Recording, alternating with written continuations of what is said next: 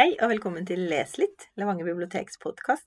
I dag er det Vivian og Yngvild som er i studio, og vi skal snakke litt om eh, bøker om minoriteter. Et tema som både jeg og du, Vivian, er i overkant interessert i, vil jeg si. Ja, helt klart.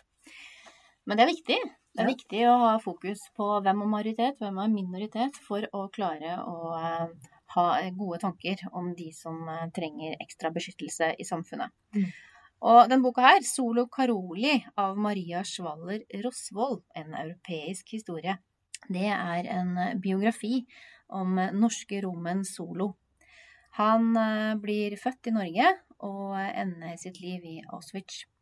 En tragisk biografi, veldig viktig å kunne noen ting om. Så derfor så har jeg valgt meg den her i dag. Norske rom har ikke alltid vært velkomne i Norge.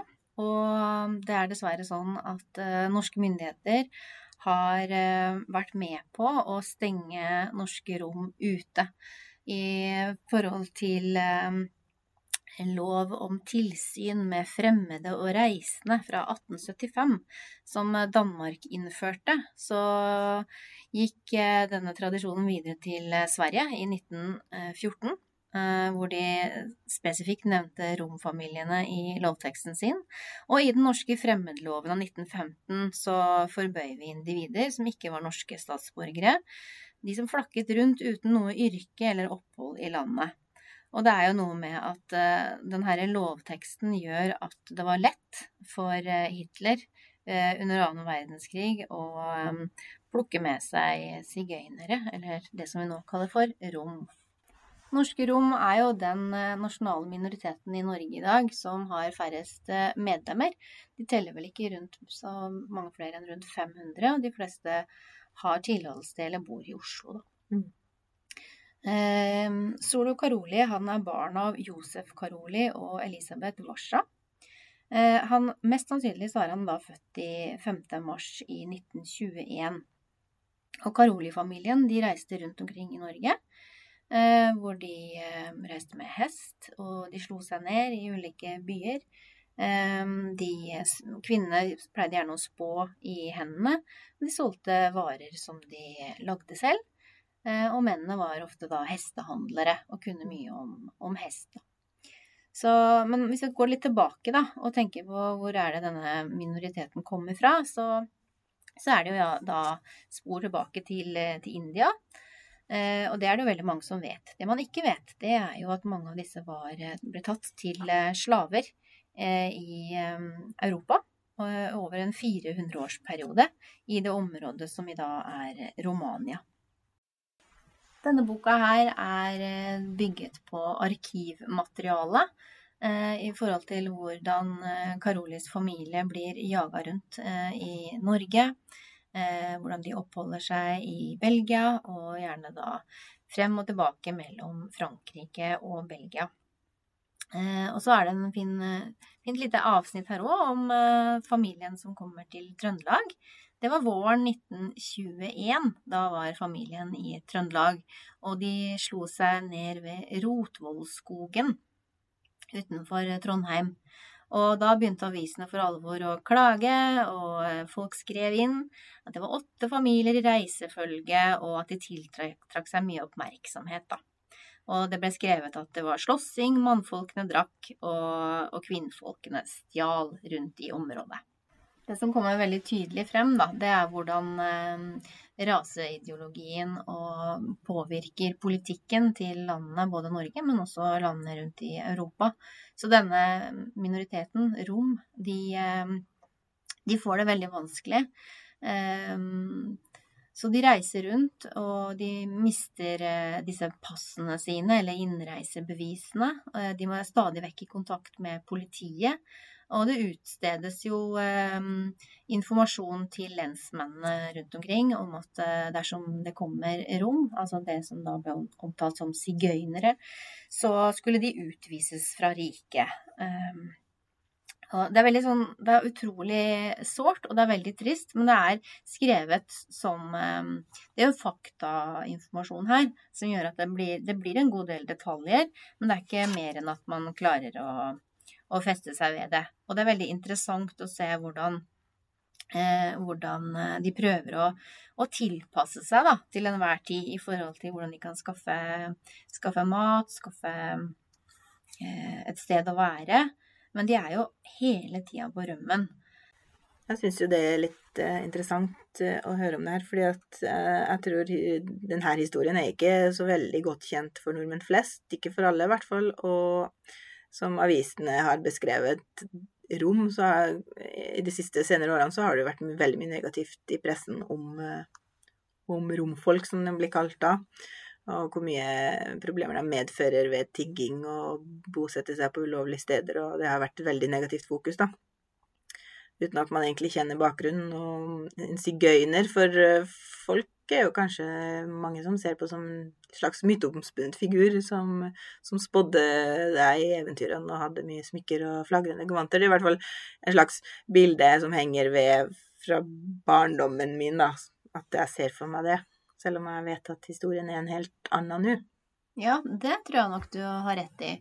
Ehm, det som er eh, viktig, tenker jeg, når man leser om de ulike minoritetene, man her da rom, da, det er jo det å ta med seg det at faktisk de ble tatt til slaver da, i, mm. i Europa, i det området som i dag er Romania.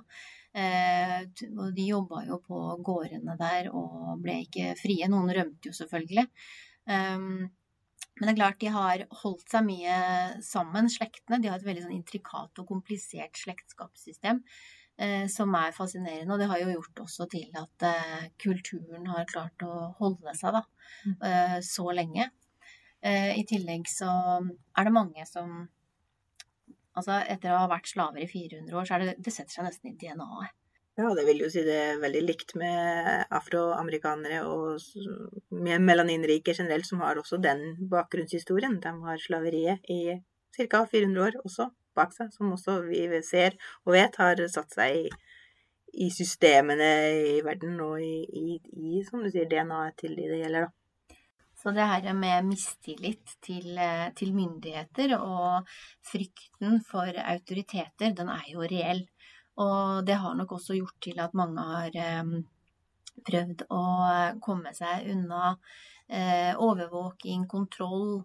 Um, så jeg syns det er viktig å ha med det da, når man, eh, når man tenker om, om, rom. Og så kan vi også skille mellom norske rom, som da er noen få familier. Eh, de fleste ble dessverre eh, drept i Auschwitz. Det kom tilbake noen få. Så de som bor i Oslo i dag, er jo etterkommere av holocaust-overlevere. Mm. Og det er også et, et vesentlig poeng her. Og så tenker jeg på det med med forståelsen vår, da, hvordan på en måte samfunn, et samfunn kan være et bilde på hvordan behandler vi våre egne minoriteter. Eh, det sier litt om eh, hvilket humanistisk nivå vi har lagt oss på. Men for å forstå hvorfor folk tar de vanskelige valgene sine, så, så må man ha kunnskap. Og man må klare å, å, sette seg inn i hvordan det er å aldri føle seg trygg, faktisk.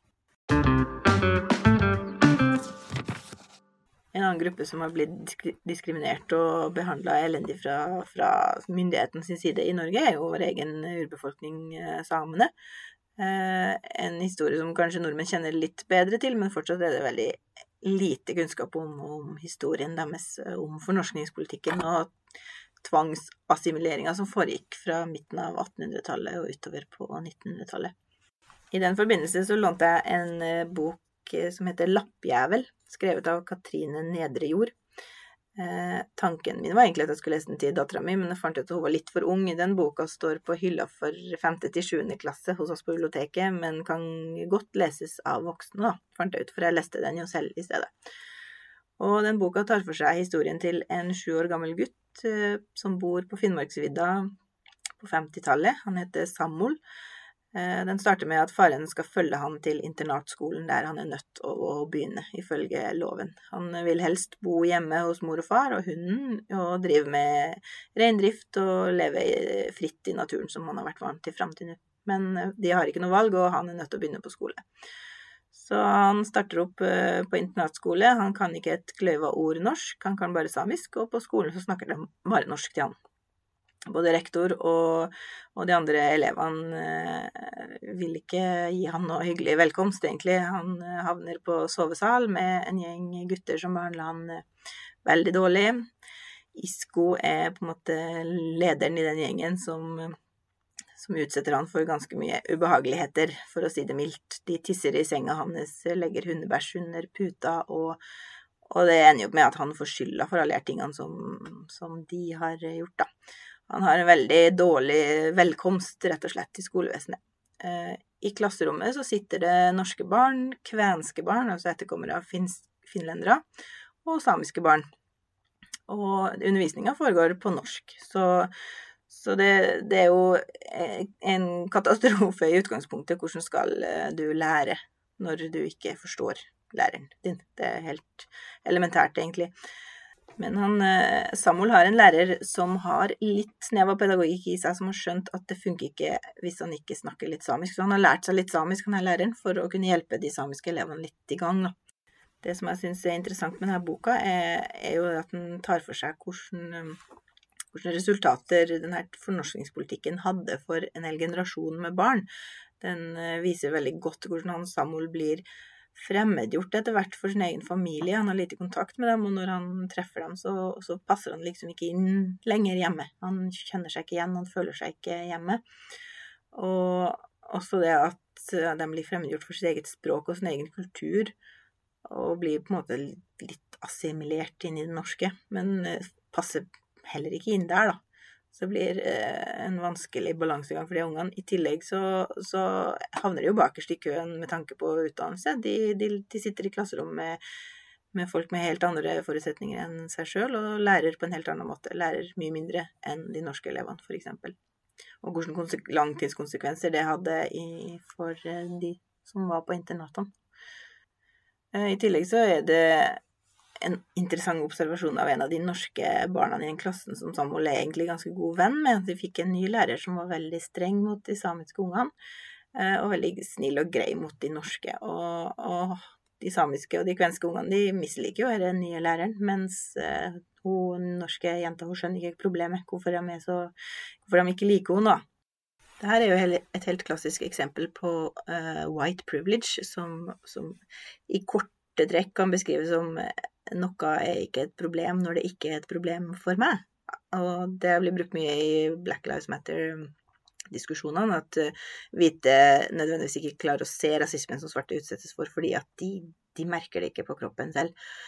Og det er jo akkurat det samme som skjer i det klasserommet, da. At to jenter ikke kan forstå problemet med lærerinna, siden lærerinna er snill med henne. Mm.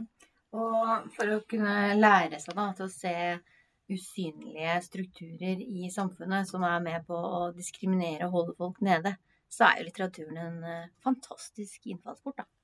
Ja, jeg har lest mye bøker om de her temaene de siste årene, og jeg blir jo aldri utlært. Selv om jeg føler at jeg er ganske bevisst, så er det alltid noe nytt uh, å lære. Så moralen er les en bok og bli klok. Håper du fikk noen uh, boktips, og så håper vi at du følger oss Eh, abonnerer på podkasten og følger oss på Instagram og Facebook.